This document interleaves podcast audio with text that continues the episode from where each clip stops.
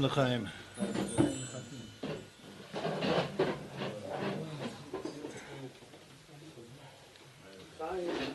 לחיים.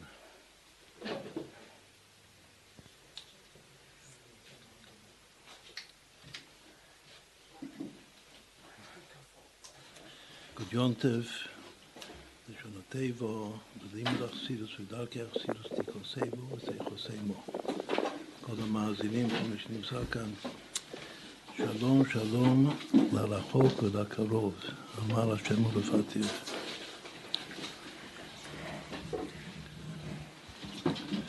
בעצם הפסוק הזה יהיה הנושא, החוט המחבר את, ה, את ההתוועדות שלנו הערב, בולי ניב שפתיים.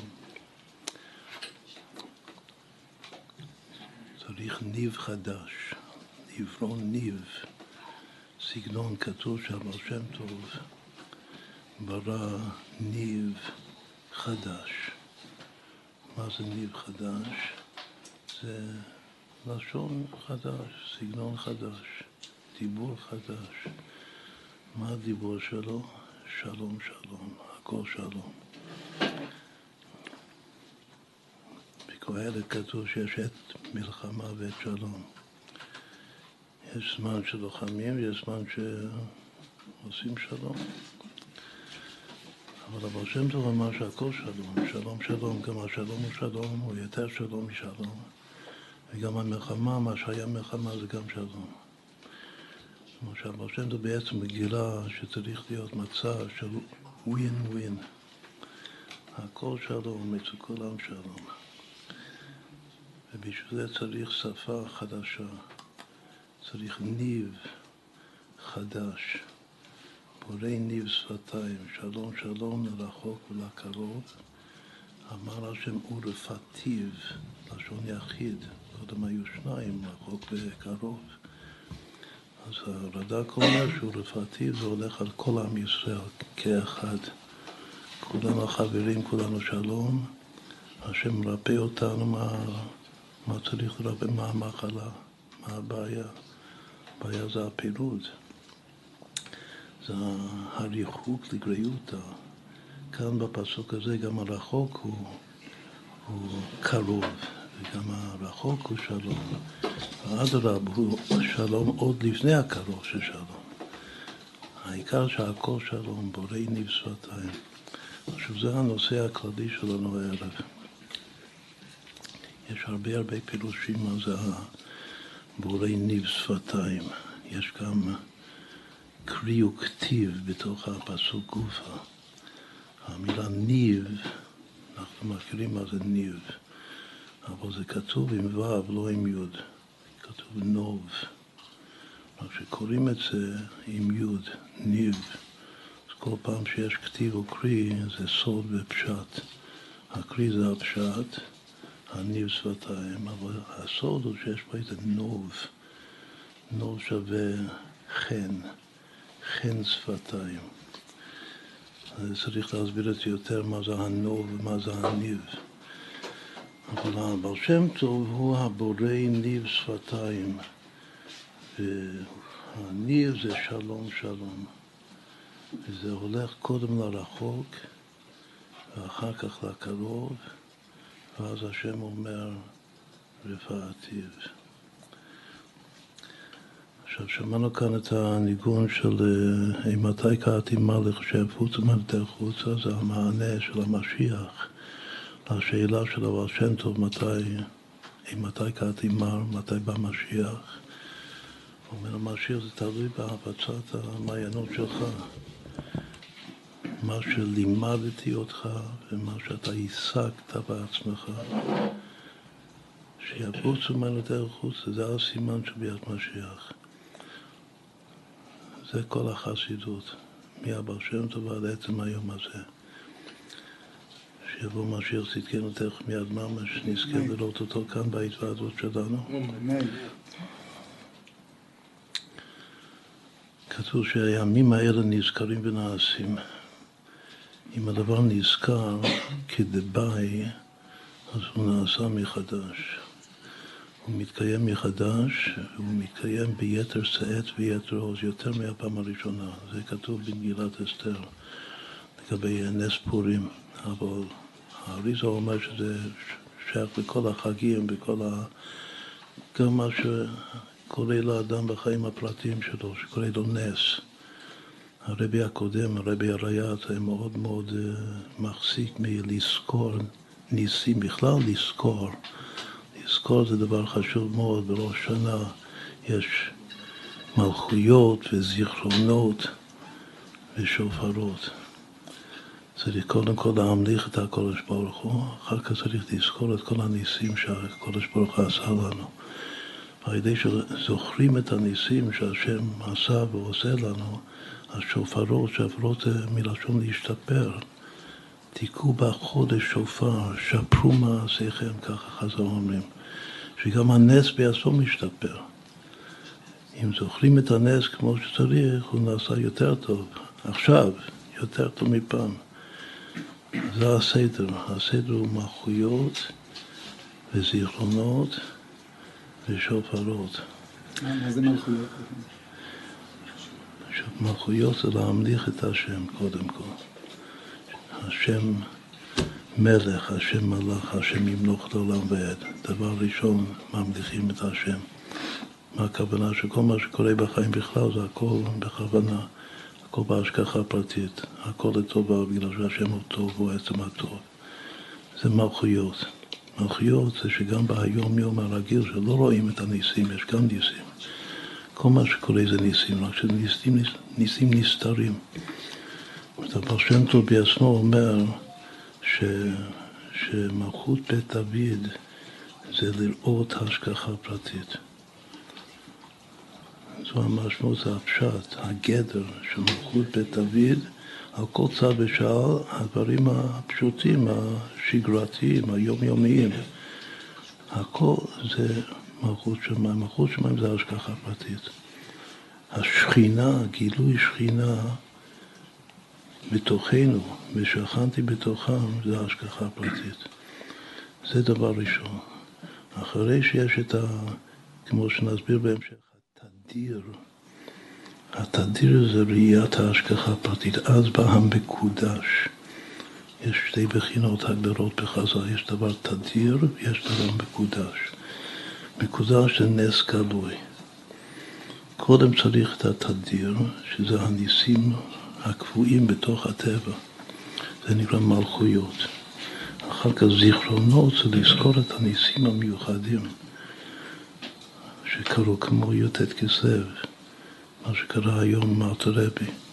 זה הכל מתחיל מההילול הרבה של רבינו הקדוש, כך הוא כותב. רבינו הקדוש זה הרב המגיד, שהיום זה ההילול הרבה שלו, זה ההתחלה. ובאותו יום שההילול הרבה של רבינו הקדוש, בלשון בעל הגאולה, יצאתי בשלום מאדון שלום. זה, היום, זה, זה מה שזוכרים היום. זה מקודש, זה נס גלוי. אחר כך מה זה שופרות?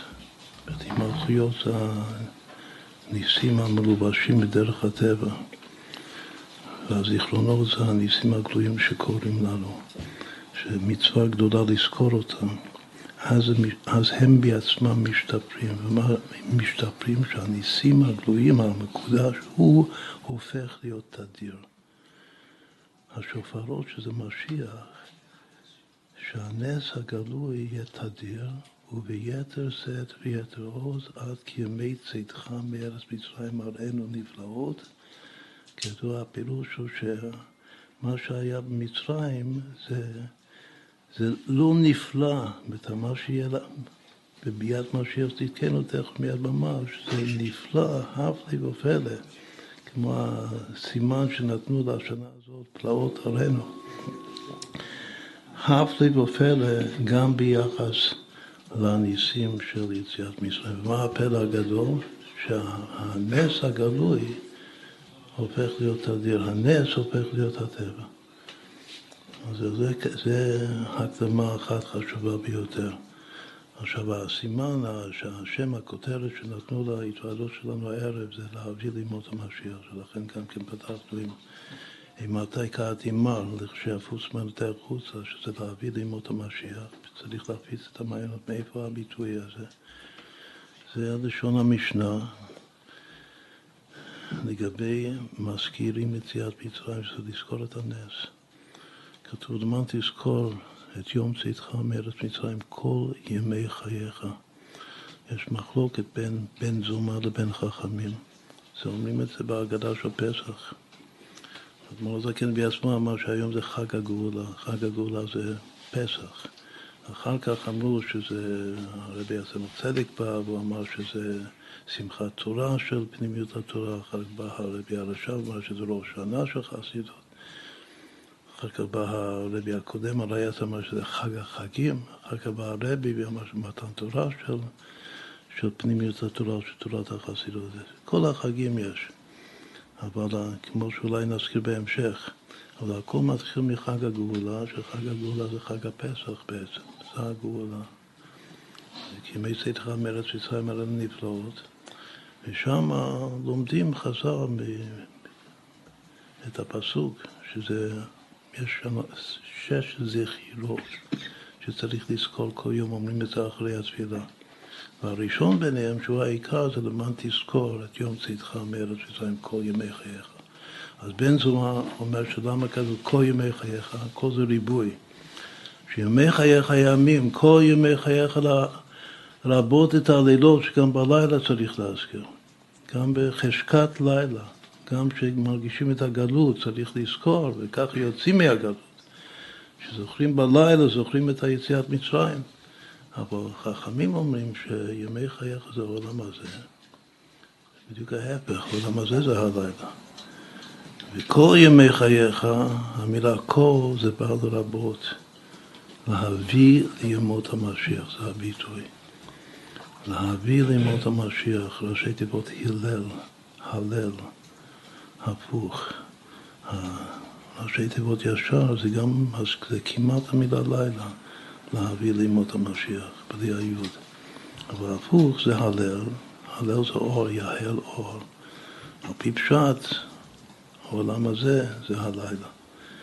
ולהביא לימות המשיח זה היום. ככה דורשים חכמים וככה פוסקים את ההלכה. זה להביא לימות המשיח. זה הריבוי של המילה כל, כל ימי חייך. אז בעיקר מה שצריך לזכור זה הגאולה. שהייתה גאולה ותהיה גאולה. והגאולה עתידה באין ארוך יותר מגם הגאולה הראשונה. עד שקימי צאתך מארץ ישראל על הנפלאות. אז זו המשמעות של השיר הזה ששמענו עכשיו, ההתחלה.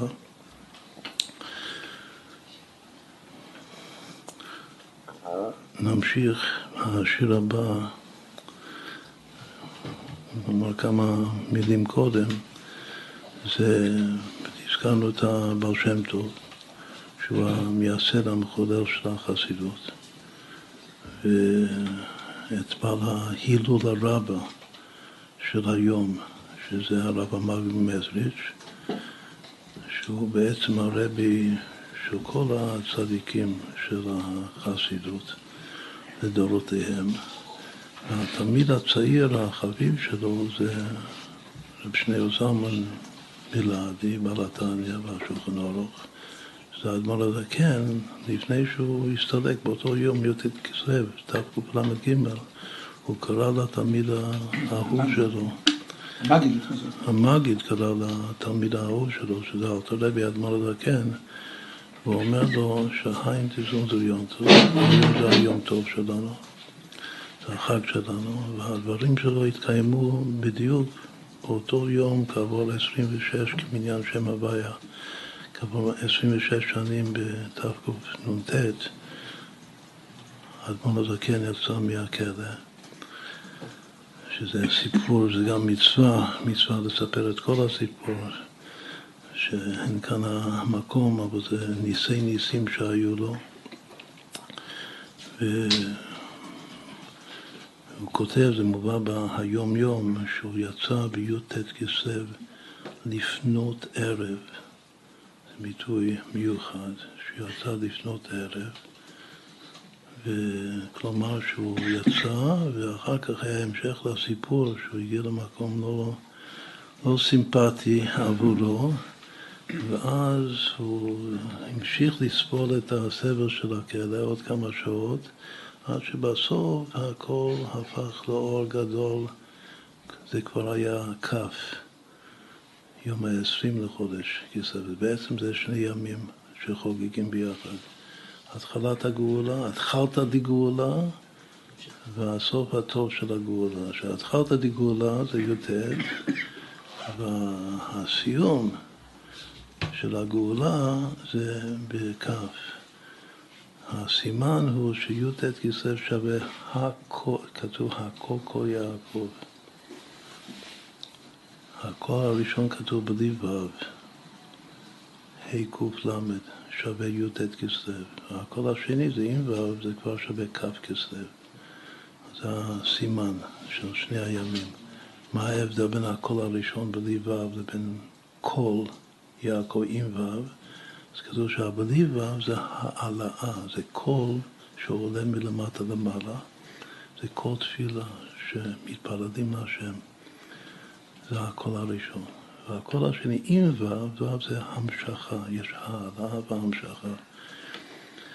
אז ההמשכה זה קול תורה. זאת אומרת, הקול קול יעקב ליעקב, יש שני, שני קולות. זה גם שייך למה ששומע עכשיו ניגונים. יש קול שעולה, קול תפילה, ויש קול שיורד שזה קול תורה.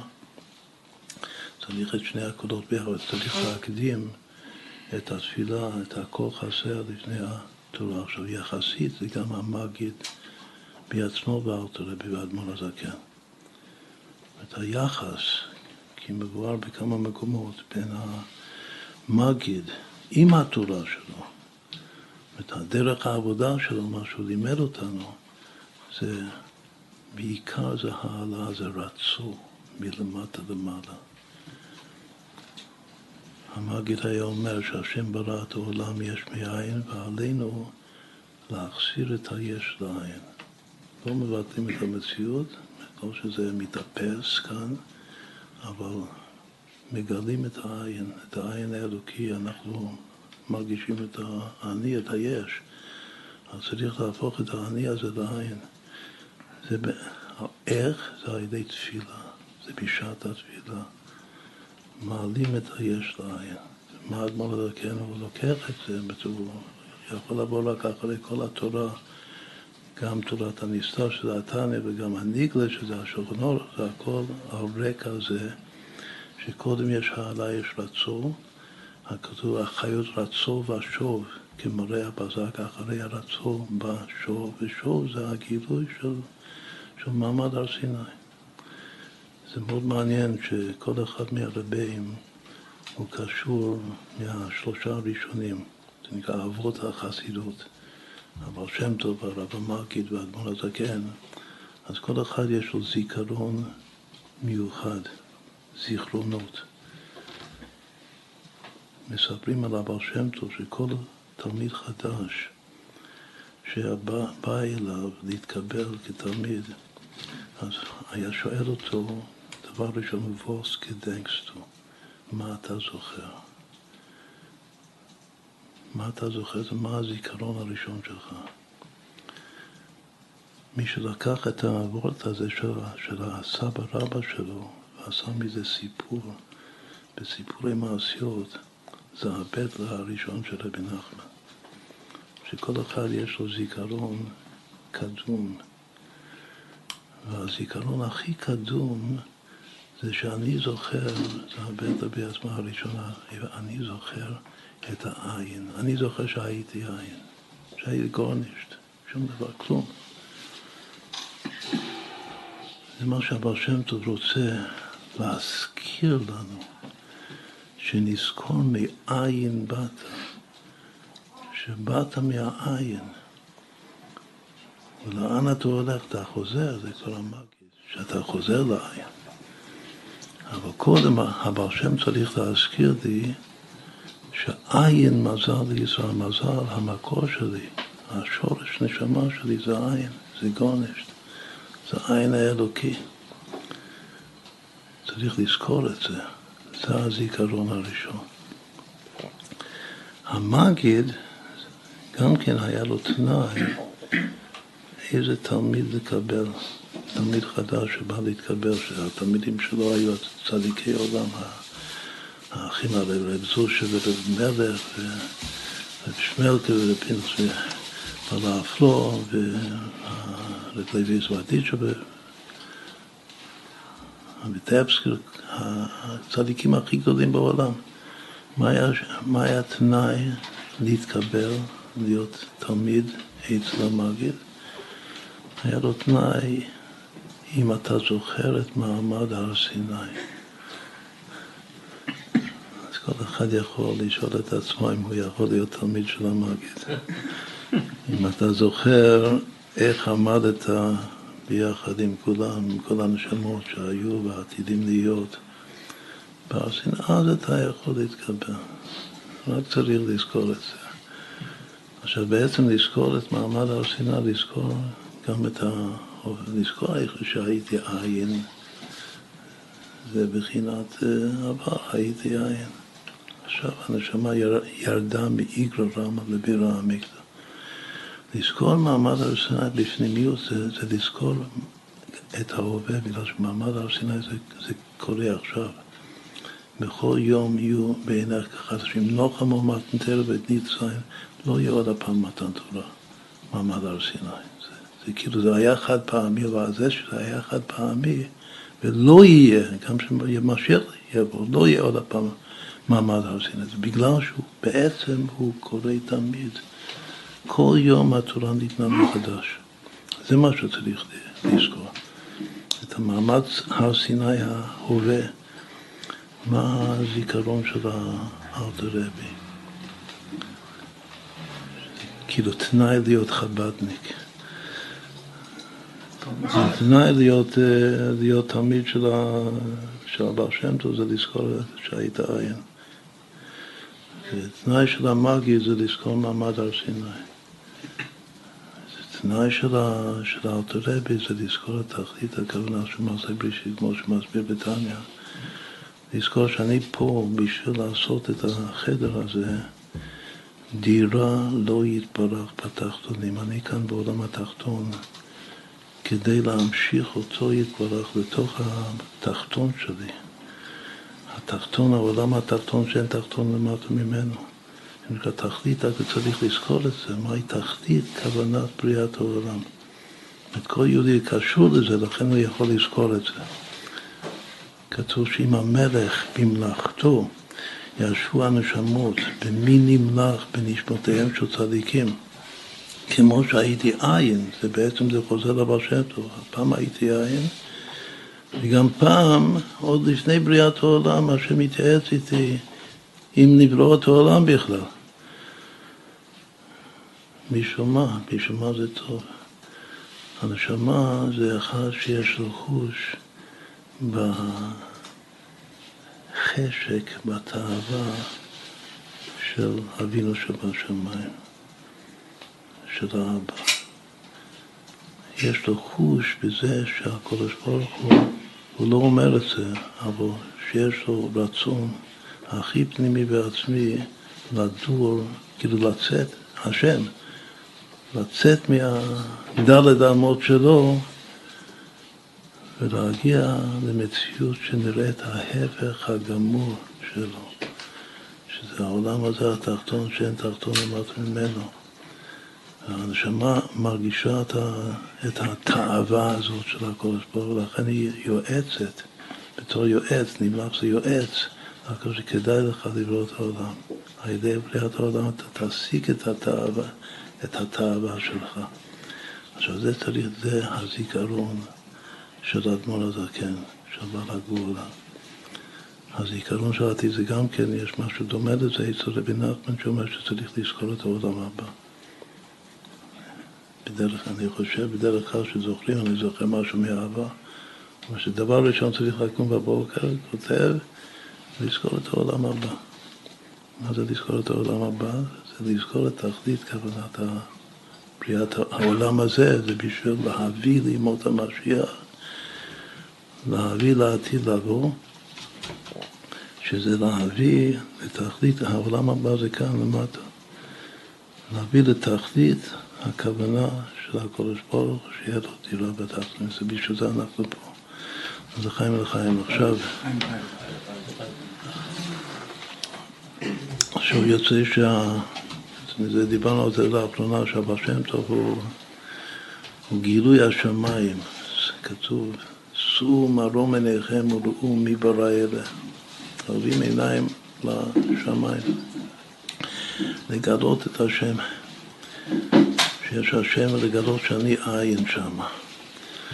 והמאגי זה כבר הרצון של הארץ אל השמיים.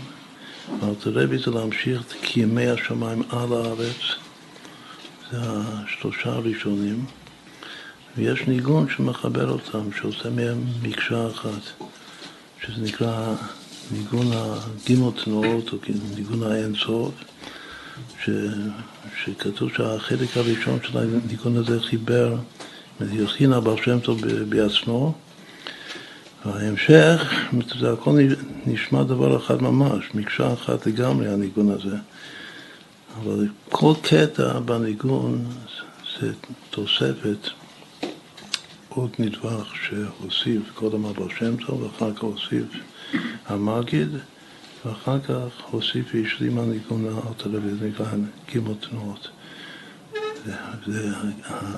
הניב, ניב זה סגנון, הניב של הניגון הזה הוא שהוא חוזר על עצמו, כל פעם הוא, הוא עולה לא טון אחד, ומי שמכיר בחוכמת הנגינה, הוא עולה כדי ש, שהוא יקיף את כל הי"ב טונים של הסולם של י"ב אה, טונים. על הקלידים זה גם הלבנים וגם השחורים. אז הוא מגיע לכולם, לכן הוא ניגון של אין סוף, הוא ניגון של אבות החסידות. כולם ביחד, אז נשמע את הניגון הזה.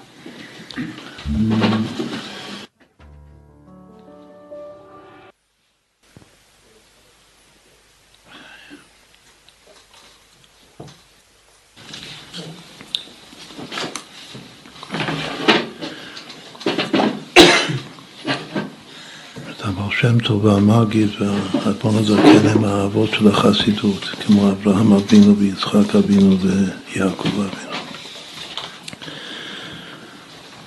הי"ט כסלו של האדמון הזקן זה היה לפנות ערב, כך כתוב הביטוי, שזה ביטוי שנאמר על יצחק. ויצא יצחק לסוח בשדה לפנות ערב. שיחה אין שיחה אלא תפילה. הוא תיקן את תפילת המנחה לפנות ערב. בשבת קודש על לפנות ערב זה ראווה דרעבין, זה הזמן הכי מקודש. אליהו הנביא, שהוא מבשר הגבולה, הוא נענה דווקא בתפילת המנחה. לפנות ערב. זה הבחינה של יצחק, זה הבחינה של הרב המגיד. זה הכל חסר, ההעלאה, כל התפילה. בכל התנ"ך יש רק פעמיים הביטוי הזה לפנות ערב. פעם ראשונה זה אצל יצחק אבינו, פעם שנייה זה אצל המחנה של הצבא, שאם יש איש שהוא לא טהור, אז כתוב, והיה לפנות ערב ירחץ במים. לפנות ערב הוא מתאר את עצמו, ואז הוא ראוי להיות חייל. והמחנה של עם ישראל הוא מחנה קדוש, והיה מחנה קדוש, שלא יראה בך ערוות עבר ושב מאחריך. אז זה מאוד מאוד מעניין שלפנות ערב הוא נאמר אך ורק בשני הקשרים, בהקשר של טהרה מטומאת, מפגם הברית. והמקור זה יצחק אבינו, שתיקן תפילת מנחה, מנחה זה אותיות מחנה. יש קשר בין המנחה, תפילת המנחה של יצחק אבינו, לבין טהרת וקדושת המחנה של צבא ישראל, שזה ה"והיה לפנות ערב ירחץ במים". היה בפרשת השמות, ותעבור המנחה על פניו ואולם בלילה כן, במחנה. נכון, מנחה ומחנה זה הולך ביחד. הביטוי הכי קרוב לביטוי לפנות ערב הוא לעת ערב. שזה כתוב כמה פעמים בתנ"ך, לעת ערב. בתל פי פשט לעת ערב זה נשמע קצת יותר אחרי לפנות ערב. קודם יש לפנות ערב, אחר כך יש לעת ערב. אבל הפסוק הכי חשוב לעת ערב זה פסוק של, של העתיד לבוא, פסוק של משיח, של להביא לימות המשיח. זה בזכריה הנביא, שאומר והיה יום אחד, יום ביאת משיח, שזה יכול להיות וצריך להיות היום הזה ממש. הוא יום אחד, כמו יום אחד של מעשה בראשית, והיה יום אחד, הוא ייוודע לשם, לא יום ולא לילה. יש מצווה לזכור את יציאת מצרים גם ביום גם בלילה, זה לדת בן זומה וגם בעולם הזה להביא לימות המשיח, שזה חכמים. אבל יבוא יום כזה שלילה כיום יאיר, זה כמו השופרות, מה שאיך שהסברנו קודם מה זה שופרות, שהנס הופך להיות הטבע. טבע זה גם לילה, ונס זה יום, זה גילוי, זה אור, גילוי אלוקות. אבל היה יום אחד, כמו גם במעשה בראשית, כתוב ויהי ערב ויהי בוקר, ויקרא אלוקים לאור יום, ולאחור קרא לילה, אז יש יום ולילה. ויער ויבוא יום אחד, הכל הופך להיות יום אחד. אז יש עוד פסוק של יום אחד. והיה יום אחד, הכל זה יום. הכל זה יום, הכל, הכל זה שלום. בורא ניב שפתיים, שלום שלום, אין, אין מלחמה יותר. לא מדברים מלחמה. המלחמה הוא לא נמצא בתוך השפתיים, בתוך הפה, בתוך הלשון. הכל זה שלום. הכל זה אין לילה, הלילה הפך להיות יום. אבל בעצם זה לא יום ולא לילה. ואז הסיום של הפסוק הוא והיה לעת ערב יהיה אור. צריך לבוא כזה יום, והיה יום אחד, הוא יוודע להשם. לא יום ולא לילה. והיה לעת ערב יהיה אור. יש פה רמז יפהפה מה, מהגמטריות הכי יפות שיש בתנ"ך בכלל. כמה פעמים כתוב אור ביום אחד. יום אחד זה יום אחד של מעשה בראשית. כתוב חמש פעמים המילה אור. חז"ל בעצמם דורשים למה חמש פעמים אור כתוב. בגלל שזה תורה אור, ובתורה יש חמישה חומשי תורה. והחמש פעמים אור זה כנגד החמישה חומשים של, של תורתנו הקדושה. בביטוי הזה, והיה לעת ערב יהיה אור, יש חמש מילים. אם תעשו את החשבון, זה, זה הגמרתי הראשונה שאנחנו עושים הערב, תעשו את החשבון כמה זה והיה לעת ערב יהיה אור, תראו פלא שזה שווה חמש פעמים אור, כלומר שהערך הממוצע של כל מילה זה אור. והיה לעת ערב יהיה אור, שווה אור, אור, אור, אור, אור, זה גמרתי מופלא ביותר, וזה חוזר, זה חוזר להתחלת הפסוק, והיה יום, עתיד להיות עוד הפעם יום אחד, כמו יום אחד של מעשה בראשית, שהיה השם אחד. גם לפני המלאכים לא היה שום דבר, רק תודעה של אחדות הוויה, תודעה של אצילות. יש חמש אור, עוד הפעם, והיה זה המשיח, שיבוא עוד יום כזה, שהוא יום אחד, הוא ייוודע להשם, מה הכוונה ייוודע להשם? שלא תהיה שום מודעות, חוץ מהמודעות של הקודש ברוך הוא. הוא ייוודע להשם. וברגע שהוא ייוודע להשם, אז זה לא יום ולא לילה. אין פה לא, לא, לא חושך, לא, לא, לא גלות, לא מלחמה. הכל זה שלו, לא יום ולא לילה, והיה, ומתי זה קורה? זה קורה ברגע של אדמון הזקן, באותו יום, רגע שהוא יוצא לחופש. השחרור, והיה לעת עת דווקא לעת ערב. מרגישים שמגיע הערב, אבל פתאום הערב לא מגיע.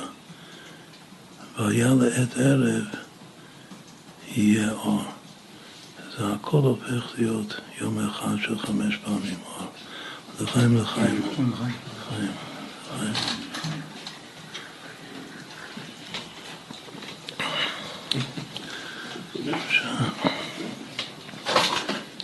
מה זה, מי זה?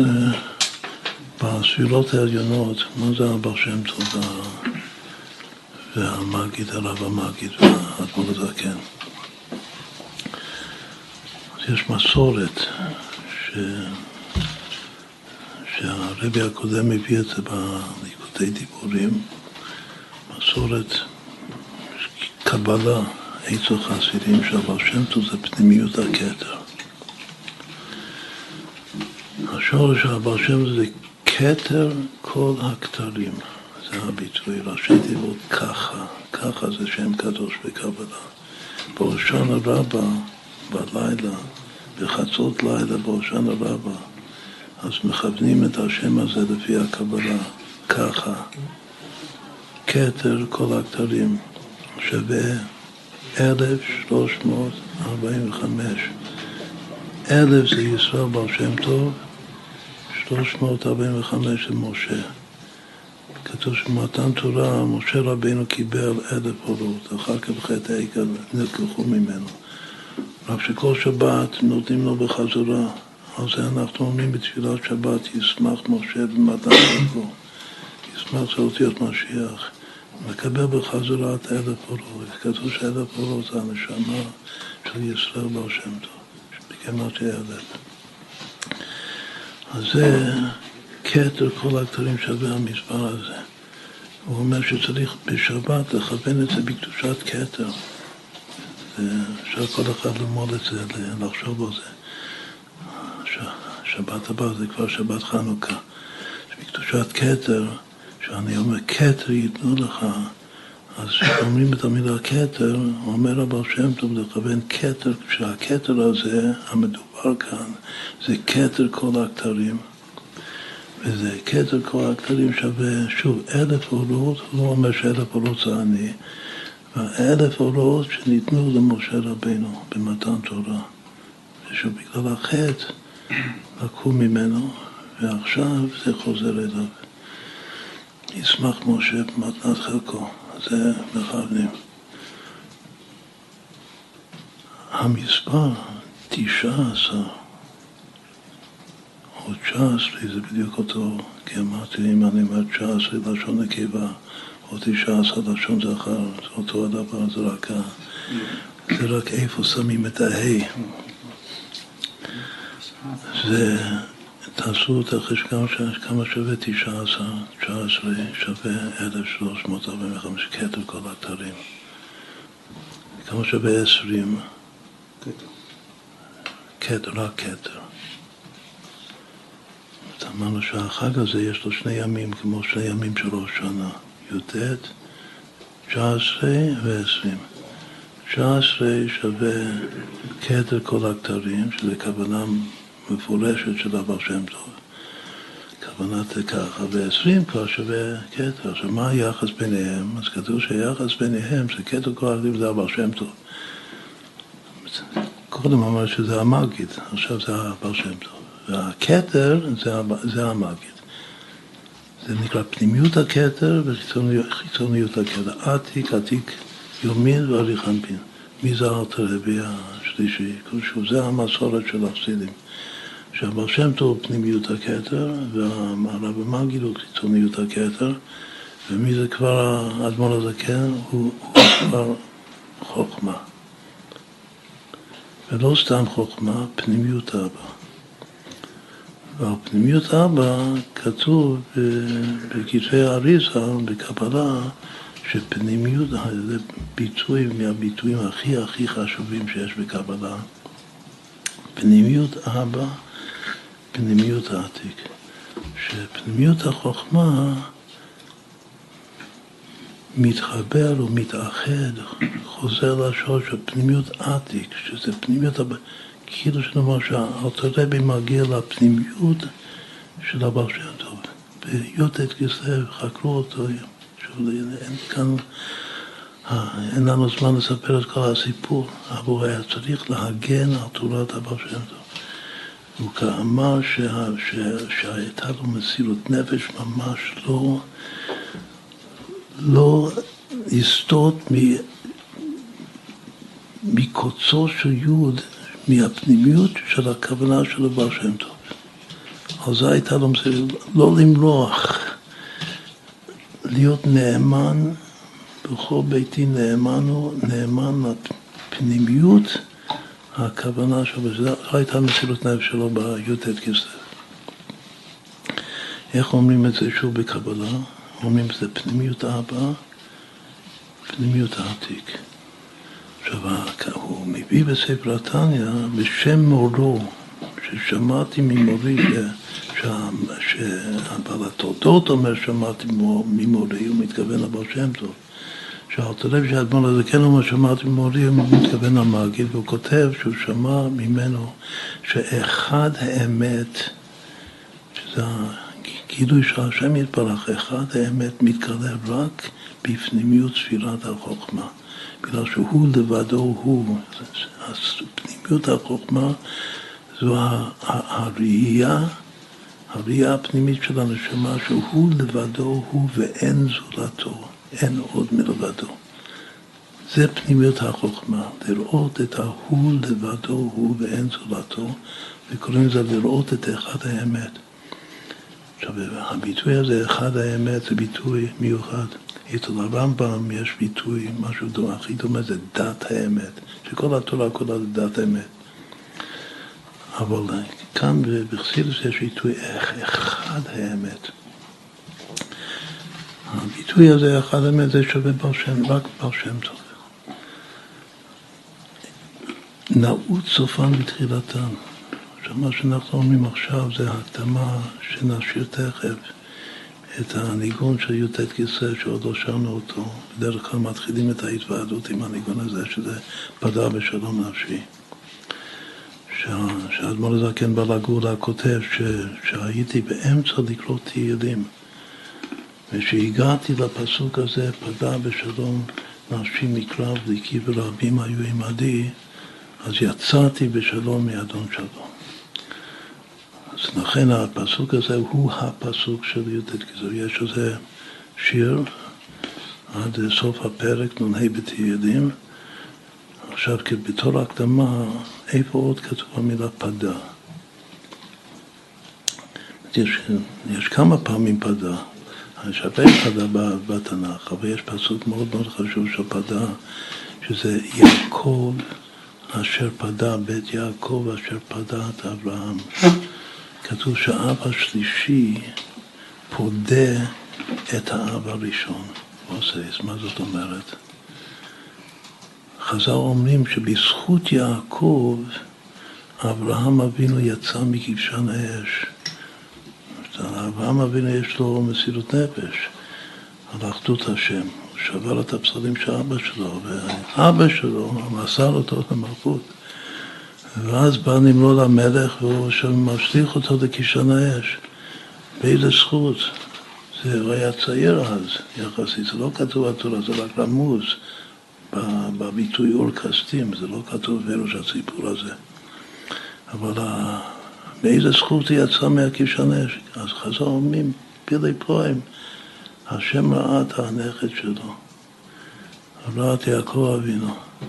ובזכות יעקב אברהם ניצל ויצא מכבשן האש. זה נקרא יעקב שפדה את אברהם. שהשלישי, הנכד, הזכות של הנכד מציל את הסבא. עכשיו, זה, זה דומה, וזה קשור לגאולה. בדרך כלל אומרים שהיום הזה, החג י"ט כסלו זה המגיד, והמגיד הוא בא להילול הרבה, והוא אמר לרבי, לאדמו"ר הזקן, שהיין תזונזריות היום זה היום טוב שלנו, זה שני אלה. אבל אנחנו עכשיו, הערב אנחנו עושים עניין גדול שיש פה הבא שם טוב, יש הרבה בר שם טוב כאן בסיפור הזה. ובעצם הגאולה, הפדה בשלום נשי, שאלתרבי, הוא כותב את זה, הוא בעצם פודה את תורת הבא שם טוב. הוא פודה את הסבא שלו.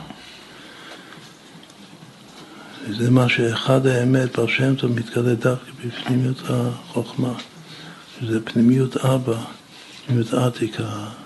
האריזל אומר, שרב חיים ויטל, התלמיד המובהק שהאריזל כותב, שהסוד הזה יתגלה רק בביאת משיח. פנימיות אבא, פנימיות העתיק.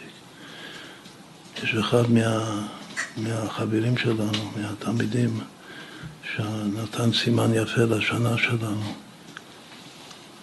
תשפ"א, שפ"א זה תה שנת פנימיות אבא. אז צריך להגיע לפנימיות אבא, שזה פנימיות אבא בשנה שלנו, פנימיות אבא זה פנימיות ה... זה אלתר רבי. אבל הנה פלא, זהו לא...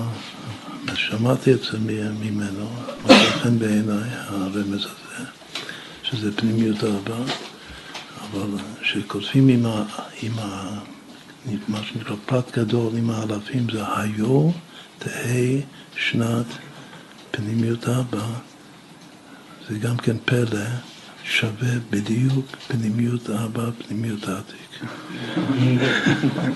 כלומר שהמילים היו תהא שנת שווה פנימיות עתיק, בדיוק.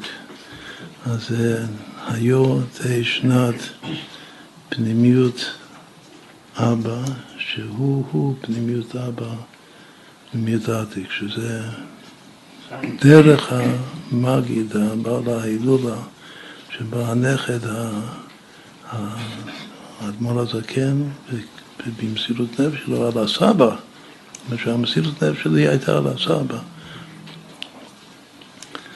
אלתר רבי אמר שהוא יותר נכד מהבר שם טוב, יותר מהנכד הגשמי שלו, הרב רב ברוך. שהוא הנכד בעצם, והייתה לו מסירות נפש על, על הבר שם טוב. אז עכשיו זה הרקע לשיר, לשיר פדה בשלום נפשי. רק עוד דבר, שם כתוב כי ורבים היו עמדי. וחז"ל מפרשים את זה שגם ה... לא סתם הרחוקים, גם החיילים של... זה מדובר אחרי מלחמת אבשלום, הבן של, דוד המלך שמרד בו. גם החיילים של אבשלום התפללו לניצחון דוד. זה הקדמה של שלום שלום לרחוק ולקרוב. זה, יש אסמכתה גם במפרשים, שגם הרחוקים, קודם כל הרחוקים, הפלא החידוש שהרחוקים מתפללים לשלום דוד. הרחוקים מתפללים שיבוא משיח. צריך לחשוב על זה הרבה. מי שהכי רוצה משיח זה לא הקרובים, זה הרחוקים. זה נקרא כי ברבים היו עמדים, את המילה רבים. זה, זה רב, עיקר האותיות זה רב, רש זה הרי יש, שתי המילים רחוק קרוב יש אותיות משותפות, אבל רב זה מתחיל הרי של רחוק הראש של רחוק, והבית זה הסוף של קרוב. אז בתוך הרב יש את הרחוק מהרחוק, מתחילים מהרחוק, ומהרחוק מגיעים גם לקרוב, שיש גם תקווה לקרובים. כולם ביחד, שלום שלום, לרחוק ולרחוק.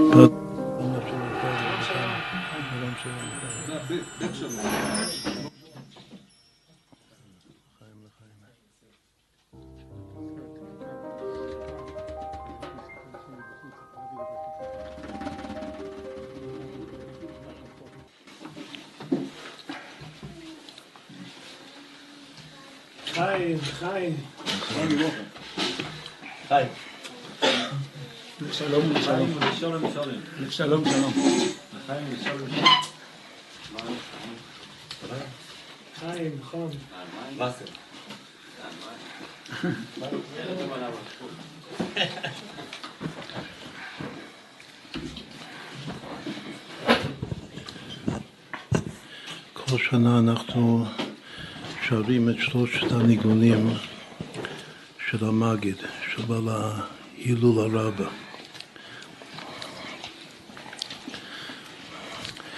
יש ניגון שהוא נמסר לנו על ידי ברסלב, ויש ניגון שנמסר לנו על ידי ראשים, שזה הצאצאים של המגיד. יש גם ניגון של המגיד שנמסר לנו על ידי רופשיסט.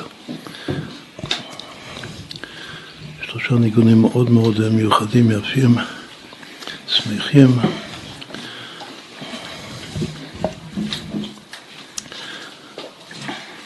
אז כדי להכין את עצמנו לשירים האלה, כתוב שעוד יותר מאשר מתחברים לצדיק באמצעות הדברי תורה שלו, אז ככה הניגונים שלו, זה מחבר אותנו ממש לפנימיות העצמיות נשמת הצדיק. אבל קודם בתור הכנה צריך אה, לומר דברי תורה שלו. לכן נקדים כמה, כמה דברים של הרב המגיד. יש פסוק בתהילים כל עצמותיי תאמרנו השם יחמוך. מציל אני מחזק ממנו ואני ואביון מגוזלו. קודם צריך להיות כל עצמותיי. מגדולי תלמיד הרב המגיד, הרבי רבי אלימלך מניז'נסק, בעל נאמר למלך, כתוב עליו שהמלאכים בשמיים היו באים, היו רצים לראות אותו מזיז את האצבע. על כל תנועת האצבע היו מתפעלים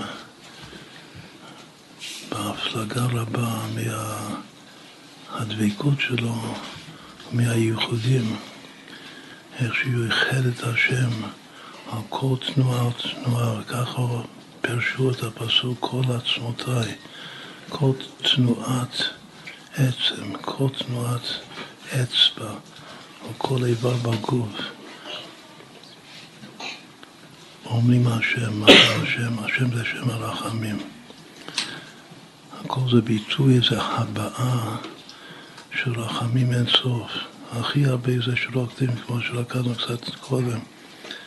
הכל העצמות, הכל משתתף ביחד בריקוד, וכל עצמותיי, זה גם בזכות הנגנים שלנו, כל עצמותיי תומנה השם.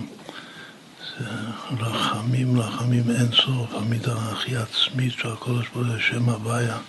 כל עצמותיי תומנה הוויה, רחמים. אנחנו מפרשים את החלק הראשון של הפסוק. אבל העבור של המגיד זה הולך על ההמשך. דווקא אחרי כל עצמותיי תומנה השם, כתוב מציל אני מחזק ממנו, ואני ואביון מגוזלו. אז הוא מדייק שיש פה שני עניים, כנראה זה לא אותו אחד. אם זה היה אותו אחד, לא צריך לחזור המילה עני. כתוב פעמיים, מציל עני מחזק ממנו, ועני ואביון מגוזרו, זאת אומרת שבאמת יש שני סוגי עניים. יש עני כפשוטו, שזה העני ואביון. חז"ל אומרים שאביון שהוא תאב לכל דבר, שהוא פשוט, אה, הוא חי בחוסר כל, הוא מתאבד לכל דבר שרק ייתנו לו. וגם אותו אחד, אותו עני ואביון שאין לו כלום, אז גם גוזלים אותו. עני ואביון מגוזלו. זה, זה העני השני, שהוא העני הטפל בעצם, אבל העני העיקרי, העני הראשון שעליו כתוב מציל עני, מי חזק ממנו, זה אין עני אלא בדעת. זה אותו עני שאין לו דעת אלוקים, שאין לו דעת השם, אין לו את הדעה שהשם הוא הכל והכל זה השם. הוא חי בשקוע בתוך הגשמיות, החומריות של העולם הזה, הוא רחוק, הוא רחוק מהשם. שלום, שלום לרחוק, לקרוב. אז הוא אני בדעת. עכשיו, אני בדעת, הוא מרגיש שיש אנשים חזקים ממני ש... שעושקים אותי. והאני השני, שהוא אני כפשוטו, שאין לו פרוטה לפורטה, שזה גם אחד מהסימנים של, של משיח, של עקבתא דמשיחא, שעד שתכלה פרוטה מן הכיס, הוא, יש לו גוזלים, גוזלים אותו. קודם כל, מי זה שני העניים האלה? כתוב ששני העניים האלה זה בעצם שתי עיניים. כל עני, עני זה אותיות עין. אם יש שני עניים, אז זה כנגד שתי העיניים שלי. אז למה השם ברא אותי עם שתי עיניים? זה גם דבר של החסידות של בר שם טוב. שעין ימין זה בשביל להסתכל טוב על היהודי השני. תמיד למד זכות. טוב עין הוא יבורך, הוא יברך. זה מקור של ברכה, ואי ברכה נאמר לאברהם אבינו. שאתה מכל הברכות, יש בכוחך לברך את מי שאתה רוצה לברך. בעצם אתה רוצה לברך את כל היהודים, את כל, כל הנשמות הקדושות. מה זה עין שמאל? עין שמאל זה ביקורת עצמית. זה להסתכל על עצמי ולראות את כל הפגמים שיש בי. לדעת שלשנות ערב אני צריך ללכת לטבול, דווקא לפנות ערב. להתאר, כדי שלא יהיה מחנה קדוש. אז זה העין שמאל, זה בלראות את הלא טוב בי, והעין הימין זה לראות את הטוב והחבר שלי, וכל ישראל חברים, וכל אחד יש לו נקודה טובה. עכשיו, מי שהוא לא רואה את הטוב בחבר, אז זה עיקר העני בדעת. מכאן אפשר להבין את השש, שתי סגולות. עיקר הדעת, דעת זה לשון חיבה. והאדם ידע את חווה אשתו, זה לשון זיווג. כל ישראל חברים, כולנו מחוברים, הרחוקים והקרובים, כולנו הם אחד ולפעתיו. עיקר הדעת, חוץ מלדעת שהשם הוא אחד יחיד ומיוחד ואין עוד מלבדו, זה להתחבר לשני, שזה השלום בפועל ממש.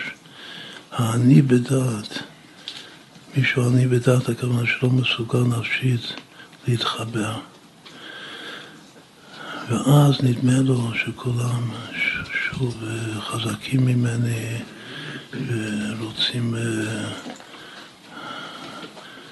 לקחת ממני, לעשוק אותי, להילחם איתי. צריך לתקן את העין ימין, להסתכל טוב על כל אחד ואחד, אז אין יותר חזקים ממני. תכף נסביר יותר איך המגיד מסביר את זה. אתה רוצה שיהיה לך גם אה, חשבון בנק, שיהיה לך כסף? אז הסגולה זה לפתח, לרפות את העין שמאל. העין שמאל זה שפלות. לראות את הלא טוב שבי, שבאמת לא מגיע לי כלום. אם אתה יודע טוב טוב שלא מגיע לך שום דבר, שזה עין שמאלה מתוקן, אז גם תזכה שגם לא יגזלו ממך לפי הדמיון שלך, ושבאמת יהיה לך. זה התיקון של שתי העיניים.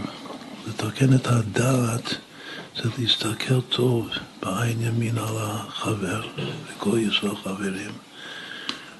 לתקן גם את המצב הכלכלי שלך בפשטות, זה דווקא על ידי זה שאתה יודע טוב טוב שבאמת לא מגיע לי כלום. אין לי שום זכות, הכל זה מתנה מן השמיים, ואז השם ייתן לך. רק מחכה שתכיר שזה בא ממנו, כי ממך הכל ומידך נתנו לך, שזה לא ממך. אז זה שני העניים ושתי עיניים. עכשיו, מה עיקר שם, מגיד אומר? אומר שני דברים. אומר דבר אחד, שהחזק ממנו זה מה שיש מישהו שלוחם בי, וכאילו חזק ממני, הכוח שלו הוא מקבל את זה ממני. זה משהו חזק, החוזק שלו הוא ממנו, הוא ממני. שתדע לך, זה גם כן בגלל שהוא עני בדעת, הוא לא מכיר, הוא לא רואה ש, ש, שזה בגלל שאני מסתכל עליו לא טוב, ובכלל, מה, מהלא טוב שלי הוא יונק את הכוח שלו להילחם בי, להתנגד אליי.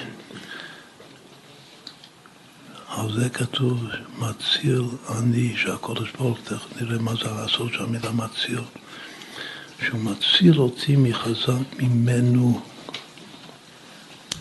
עכשיו, לעומת זה, יש פירוש של האדמו"ר הזקן, לכן בחרנו את הפסוק הזה, בגלל שיש פירוש על הפסוק הזה גם מהמגיד, שהוא בא להילולה של היום, וגם של האדמו"ר הזקן, שהוא בא לגאולה של היום. וזה שני פירושים שונים ואפילו הפוכים. המגיד אומר שהחזק ממנו זה שהחוזק שלו בא ממנו. שאותו אני, שהוא אני בדעת, הוא נותן חוזק למסנגד, למתנגד שלו. זה הוא. הוא. בעיה שלו, זה הוא אשם. רבי אומר שהחזק הזה, ממנו הוא מעולם התוהו, יש עולם התיקון ועולם התוהו, יש נשמות, נשמות של תוהו ויש נשמות של תיקון. והנשמות של תוהו הם באמת חזקים יותר מהנשמות של תיקון. וזה נס שהנשמות של תיקון יכולים להתמודד, כמו בחנוכה, שמסרת את הגיבורים ביד החלשים, והם באמת גיבורים. למה הם באמת גיבורים היוונים? בגלל שהם נשמות של אורות אתו, מעולם התור, הם חזקים בעצם, בקבלה זה נקרא שם סג, יותר חזק משם מה, שזה התיקון. וזה שהשם מוסר את החלשים ביד הגיבורים, זה, זה נס, זה נס גלוי, זה נס ממש. אז אדמון הזקן אומר שחזק ממנו, הוא באמת חזק ממנו. המגיד אומר שהוא לא, שהוא לא באמת חזק ממנו, שכל החוזק שלו זה בא ממנו. אז איך אפשר ליישב את זה? לכאורה זה שני פירושים הפוכים, אז זה חזק ממנו. אז האבות הזה יש וורט שלישי, שהפסוק אומר חי בלה ויקיינו, זה גם קשור לתיקון הברית, שמכוונים שם יהיה שם קדוש וקבל ח', ב', ו'. מכוונים את זה כמה פעמים בתפילה, שזה בשביל לתקן את הניצוצות שהלכו לאיבוד, להחזיר אותם, כי לא יידח ממנו נידח, שגם הנשמות של הרחוקים, לקרב אותם. כתוב חייב בעלה ויקיינו, ומבטנו יורישנו קר. כתוב שיש שני סוגי ניצוצות שצריך לפתות, פדה ושלום נשי, צריך לפתות את הניצוצות שבאו ממני, שהוא בלע אותם ממני. החיל, הכוח, התוקף, החוזק. יש חוזק שהוא בלע ממני. זה נקרא יניקת החיצונים, שאני אשם ביניקת החיצונים. ואת זה משהו בלע ממני, צריך להוציא ממנו. חי בלע, הוא צריך להקיא את זה. חי בלע והקיאנו. אבל יש את האורות העצמיים, הכוח, התוקף העצמי שלו, מה, ש, מה שלכתחילה הוא יותר חזק ממני. זה נקרא, זה הבטן שלו, ככה מסבירים. שצריך לרשת, את יעקב צריך לרשת את עשיו. את הידיים, קודם דיברנו על הכל, כל יעקב. הידיים זה עשיו, מה זה ידיים? זה, זה תוקף, זה חוזק. אנחנו צריכים לקבל את זה, זה נקרא, ומביטנו יורד שנקרא, אלו ואלו. שני בחינות, יש בחינה שחזק ממנו, מה שהוא מקבל ממני, שזה המגיד אומר, ויש בחינה חזק ממנו, מה שבאמת חזק ממנו, כמו מסעת החלשים ביד גיבורים, גיבורים ביד חלשים, שזה צריך, זה, זה צריך לרשת אותו. יש משהו שצריך להקיא, משהו בלם ממני, צריך לרשת את הכוח העצמי שלו. שתי בחינות. לפי הסדר זה קודם כתוב חי על בעלה והקיאנו, כמו הסדר של המגיד ואלתר רבי. אז קודם הפעילות של המגיד, לדעת שהוא לקח את זה, שאני אשם, זה בא ממני. אני נתתי יניקה לחיצונים. ואחר כך האלתר רבי יכול לבוא ולומר יותר פשט, שחזק ממנו זה פשוטו כמשמעו. אבל הכל זה הולך על אותו אני, שהוא אני בדעת. זה הפגם בעין ימין. והתיקון זה להסתכל טוב, זה הטוב העין הוא יבורך, להסתכל טוב על כל יהודי ולהתחבר, לדעת אותו, להסתכל טוב עליו, הכוונה להתחבר איתו, להזדבק איתו. עכשיו, מה זה? איך השם מציל? זה נאמר את זה בקיצור. מציל, זה אומר שמציל, זה, זה המגיד אומר. אבל הידוע לשעיון, שמציל זה אותיות צלם, עם תוספת י'. הוא מסביר, בקיצור, זה הסוד של הצלם. הצלם זה, זה אותו מזל שהבר שם טוב אומר שעין מזל לישראל, שצריך לזכור את העין. שהייתי, משם באה ההצלה, הוא רק אומר שצלם זה אור שמאיר מלמעלה, זה דלעילא על מנת לעורר אצלי התערותא דלתתא. ומציל זה כאשר הצלם שלי באמת מעורר אצלי משהו מלמטה. אם הצלם שלי, השורש הנשמה שלי פועל עליי, אז זה מציל אותי בדרך מלמטה למעלה. זה מוציא אותי מן המיצר, מן המיצר קראתי כה, ענה לי במרחב כזה, מוציא אותי מן המיצר למרחב. עכשיו, מה, מה זה? לפי סדר האותיות. זה עיקר החידוש.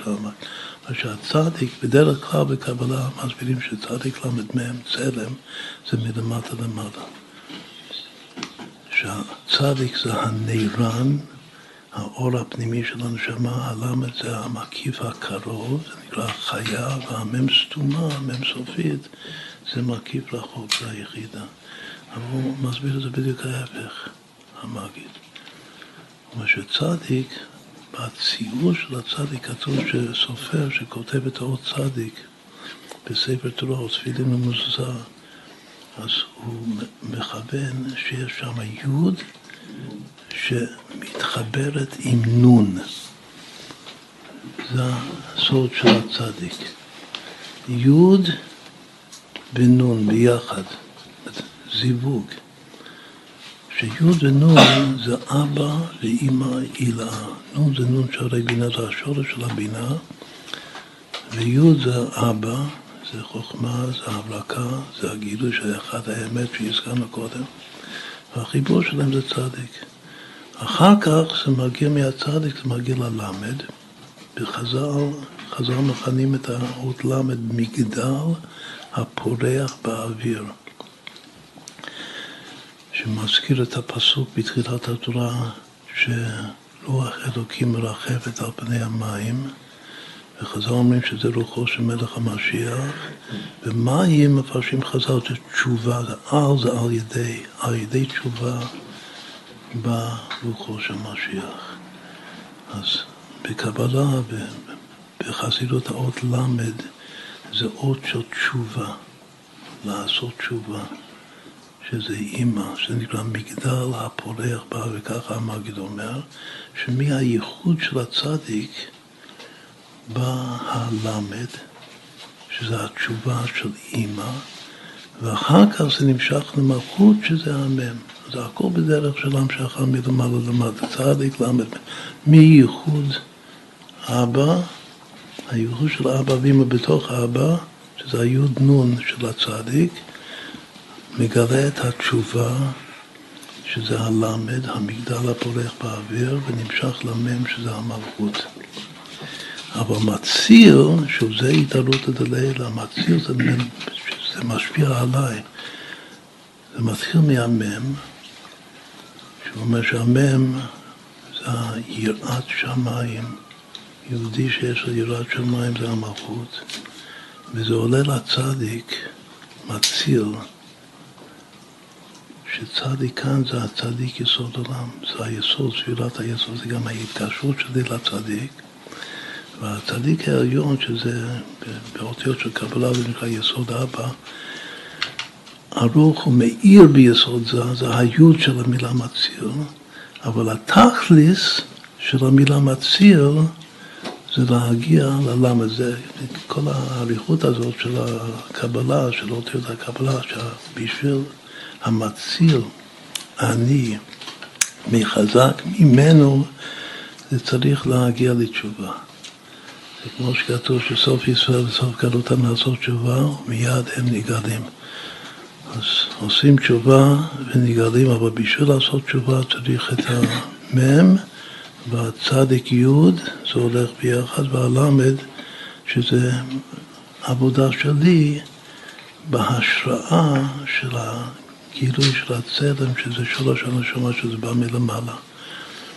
ואז מציל, אני מחזק מזה וורט, כאילו תורה בקיצור של בעל ההילולה של היום הזה, יהיה לנו חומר למחשבה עכשיו לשמוע את הניגונים של המגיד. לפני שנשמע אותם, אנחנו רוצים להזכיר כאן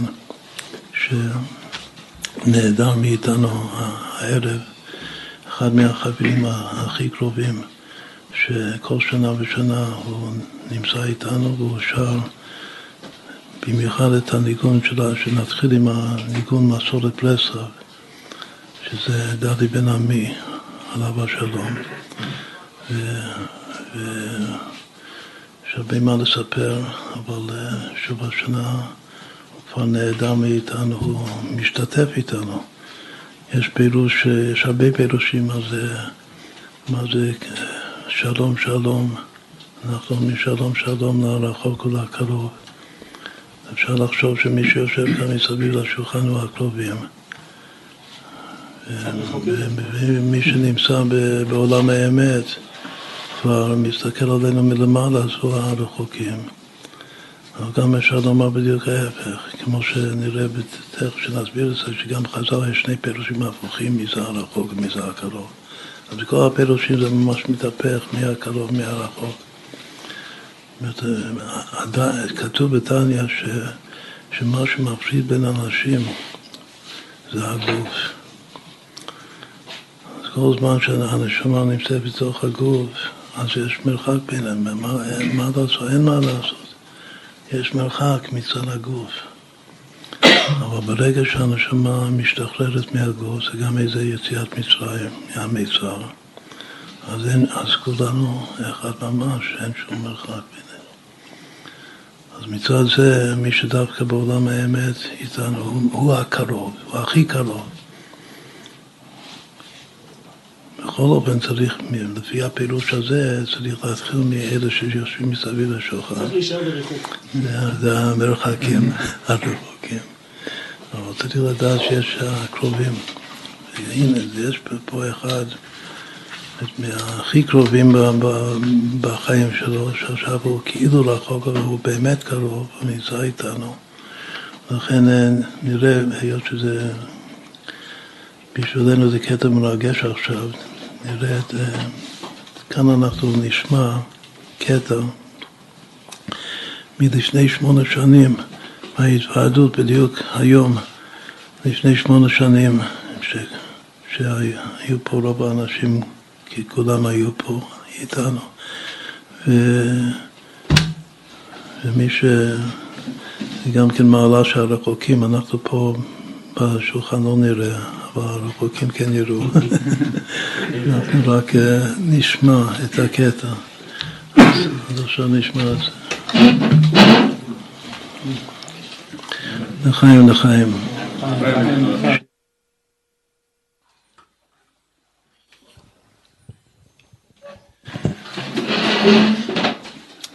בגמרא יש מחלוקת מה זה, מה זה שלום שלום לרחוק ולקרוב, מהרחוק מהקרוב.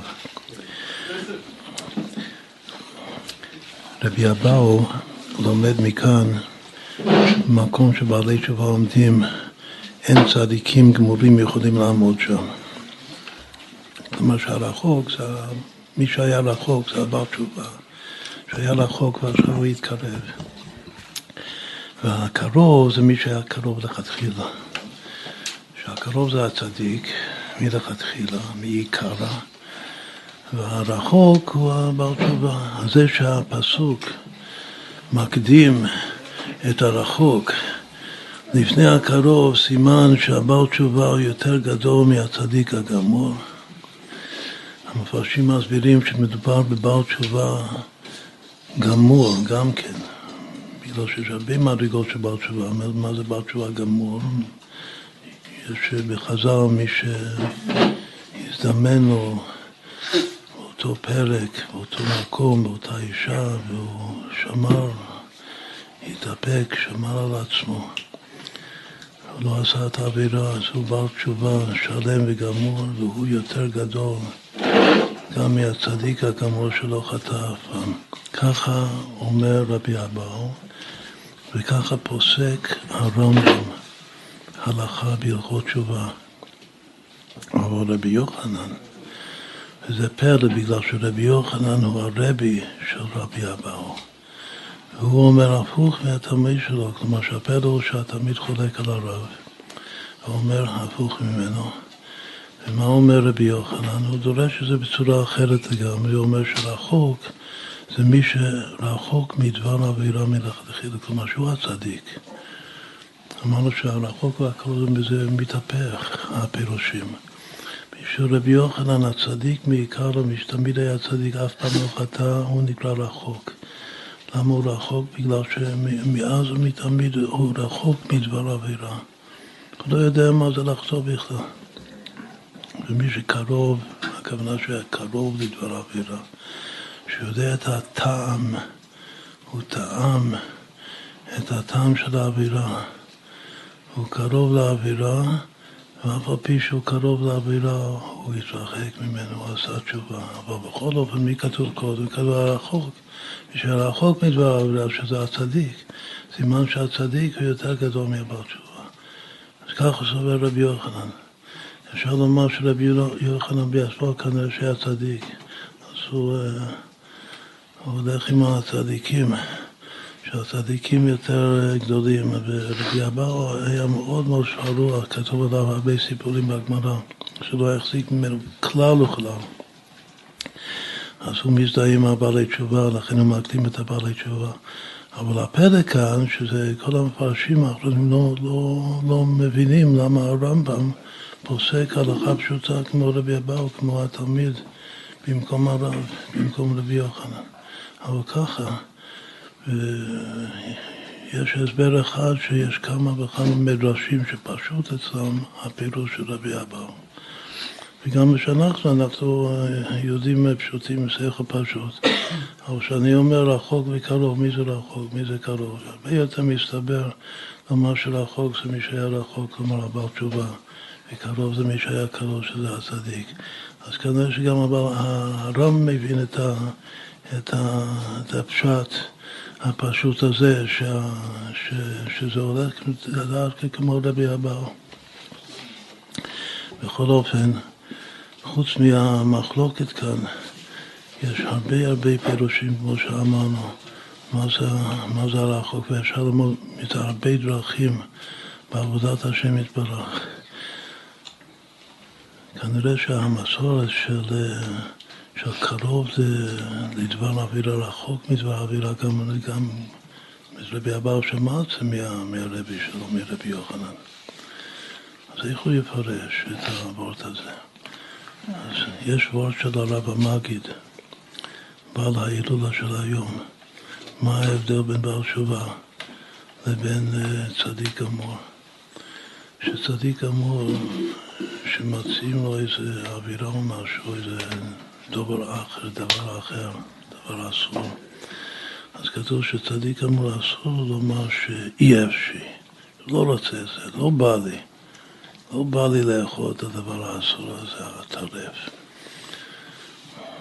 הדבר האחר, רחמנא ליצלן, שלא יאמר ככה, שיאמר אפשי, שיאמר שאני רוצה את זה, אבל מה אעשה שהאבי שבשמיים גזר עליי שאסור לאכול את זה. ככה צריך לומר הצדיק. ולפי הגמרא, משמע שכולם צריכים לומר ככה. בא הרב המגיד בלילה, שהיה אומר חידוש גדול מאוד. הוא אומר שהדבר הזה, שצריך לומר שאפשי, שאני רוצה, אבל מה אעשה שאבי שבשמיים גזר, זה רק מדובר על צדיקים. גם גמורים וגם לא גמורים, גם בינונים של התניא. כולם צדיקים, דרגות של שונות של צדיקים. הם צריכים ככה לחשוב שאני רוצה את הדבר האסור. אם זה מצד האני, האני שלי רוצה, הנפש הבעמי שלי רוצה. אבל מה אעשה? אסור לי. השם, התורה אסרה עליי, רחמונה, התורה אסרה עליי. אבל בעל תשובה שהוא טעם, כמו שאמרנו, שהוא טעם את הטעם של היסוד. אז הוא צריך לפעול בנפשו, ואת עבודת השם שלו זה לפעול בעצמו, שהוא יאמר באמת לאמיתו, מכל האמת שלו, שאי אפשי, אני כבר, הוא טעם את זה, והוא צריך להגיע למצב כזה בנפש שהוא באמת לא רוצה את זה. יכול לומר שאני לא רוצה את זה, לא כמו הצדיק, שהצדיק צריך לומר שאני כן רוצה את זה, אבל יש לי, הידיים שלי כבולות. יש מי שאוסר עליי. זה וורט חשוב ביותר של המגיד. לפי זה אפשר לקחת בדיוק את ההסבר של רבי יוחנן ולהלביש את זה על רבי אבאו, שזה הפוך. שמי זה הרחוק? מי שרחוק מדבר עבירה זה אחד, שהוא רחוק בעצם, זה אחד שיכול לומר שיש, שאני לא רוצה, אני רחוק מזה. מי רחוק מהדבר האווירה באמת? הבעל תשובה רחוק. בגלל שלפי המגיד, הבעל תשובה הוא, הוא לגמרי עכשיו רחוק מהדבר האווירה. הוא לא רוצה את זה, הוא. לא בגלל שידיים שלו כבולות. והצדיק, הצדיק הגמור שלא חטא אף פעם, אבל הוא צריך לחשוב, התודעה שלו צריך לחשוב שאיפשהו שאני רוצה שאני קרוב לזה. אז אפשר לקחת את המסורת של רבי יוחנן, שזה רחוק וקרוב, זה הולך על דבר עבירה, ולהרביש את זה ממש לפי העבור של המגיד על הדעה של רבי אבאו. שרבי, עוד פעם, הצדיק צריך לפעול בעצמו, להרגיש שאני רוצה את זה, אבל אני לא יכול, אסור לי, אסור לי לאכול את זה, אסור לי לקרב לזה. והבעל תשובה, הבעל תשובה, כאילו האני שלו מתחזק עד כדי כך ומזדהה עד כדי כך עם, ה, עם התורה, שהוא אומר שאני לא רוצה את זה. אני רחוק עכשיו מהדבר אווירה. אז מי זה הרחוק הזה? הוא רחוק מדבר אווירה, והוא זה שהפעם היה רחוק לגמרי, זה רבי אבאו. שהוא זה ככה פוסק הרמב"ם. אז כנראה שיש משהו מיוחד מאוד ברבי אבאו, וככה זה הדור שלנו, הדור שלנו זה דור של בעלי תשובה, כמו שאמרנו קודם על המציל, שהמציל זה מי שמגיע לי תשובה, שזה המגדל הפורח באוויר הלמד, ואז בא משיח. אז זה פירוש אחד של, של, של הרחוק והקרוב.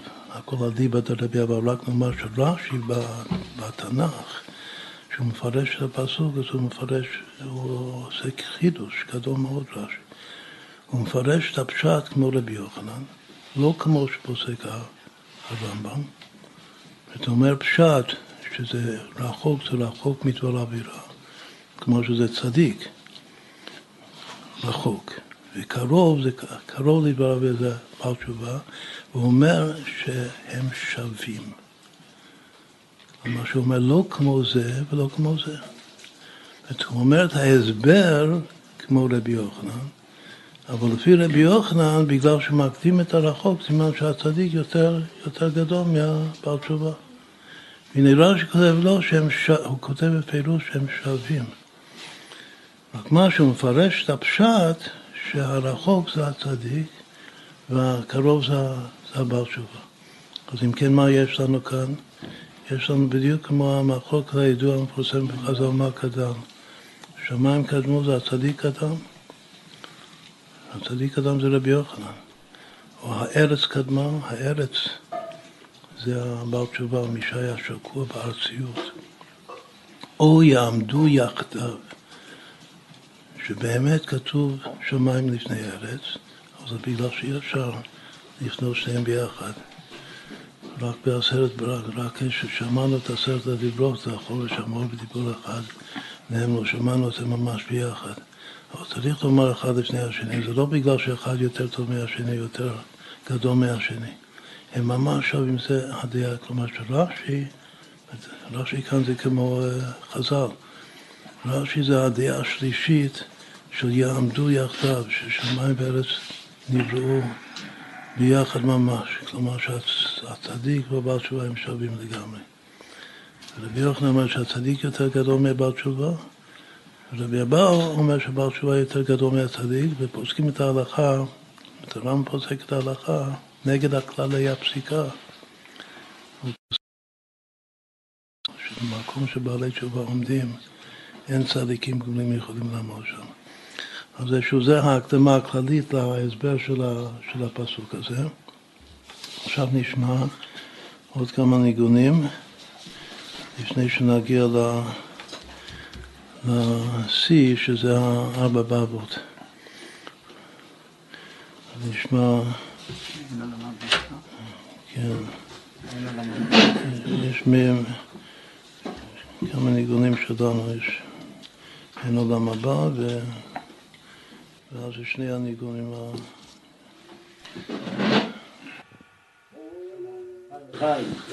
לחיים, לחיים.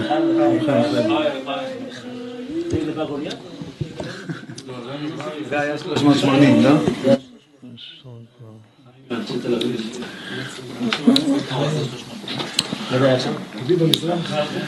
יש הרבה מאוד פירושים על הרחוק והקרוב כדי לקצר רק נאמר שניים ואחר כך נגן את הארבע באבות עם ניגון ההכנה.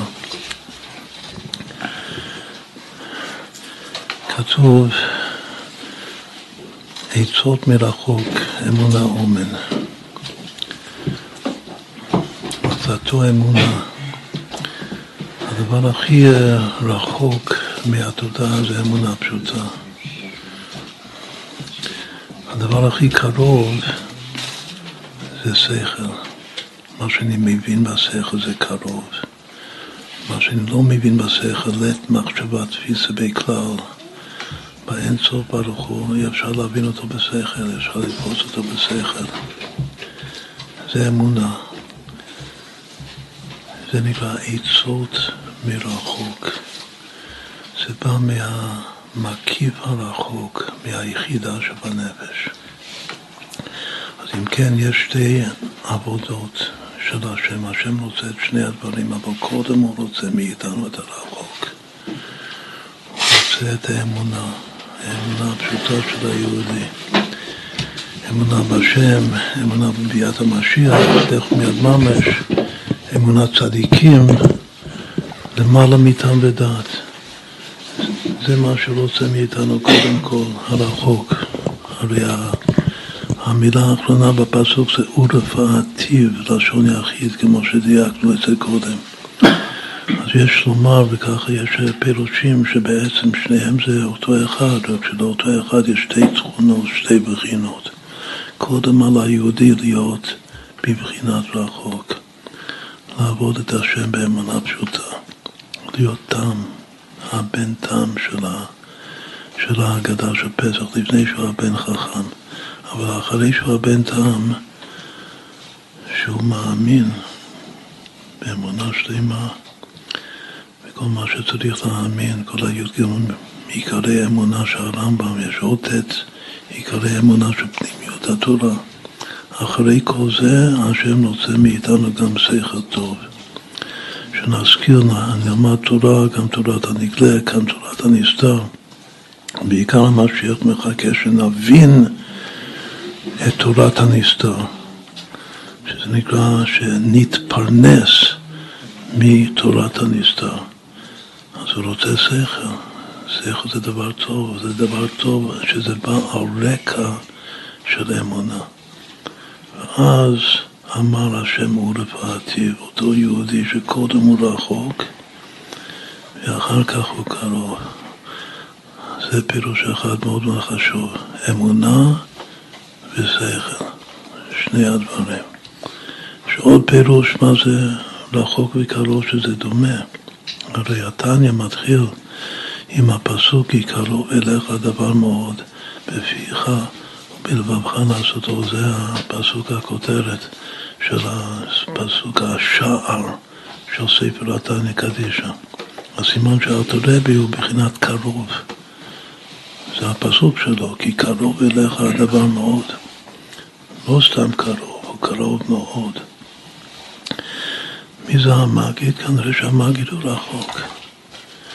אם רבי הוא קרוב, אז המגיד הוא רחוק. מה זה העבודה של רחוק?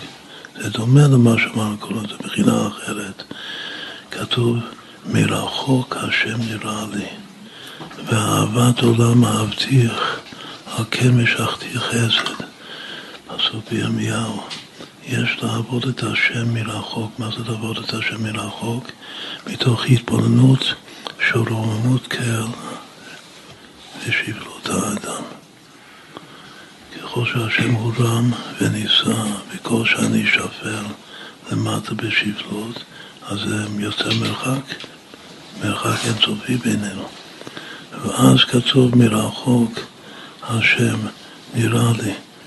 ידוע הגמרתי המפורסמת שמרחוק השם נראה לי שווה הוויה בריבוע, 26 בריבוע. אבל אחר כך הרקע הזה, הרקע העבודה שמרחוק השם נראה לי, בא הפסוק של התורה, כי קרוב, כי קרוב שווה בדיוק החצי של זה, חצי של הוויה בריבוע, זה נקרא שלם בחצי היחס. כי קרוב אליך הדבר מאוד. בפיך ובלבבך לעשות את זה. דומה לאמונה ושכל, אבל זה קצת אחרת. בגלל שהמרחוק זה גם שכל. זה התבוננות של המרחק האין סוף בין השם לבינינו. ודווקא ככה רואים את השם בראייה. אבל להרגיש ולהפנים את האלוקות. זה כי קרוב אליך הדבר מאוד בפיך ולבבך לעשותו. אז עכשיו אמרנו שני פירושים מאוד חשובים בעבודה מה זה הרחוק והקרוב, ובעצם צריך להיות סדר עבודה, שזה סדר מהמגיד, שזה החסידות הכללית, למיוחד של, של החוכמה, בינה ודעת של חב"ד של אדמו"ר הזקן. אז עכשיו זה, זה נתגבורת יפה בשביל לנגן עכשיו את הארבע באבות, אז נתחיל עם ניגון ההכנה, אחר כך ניכנס לארבע באבות ו... נסיים עם הניאצ'וריצי, ניגון השמח.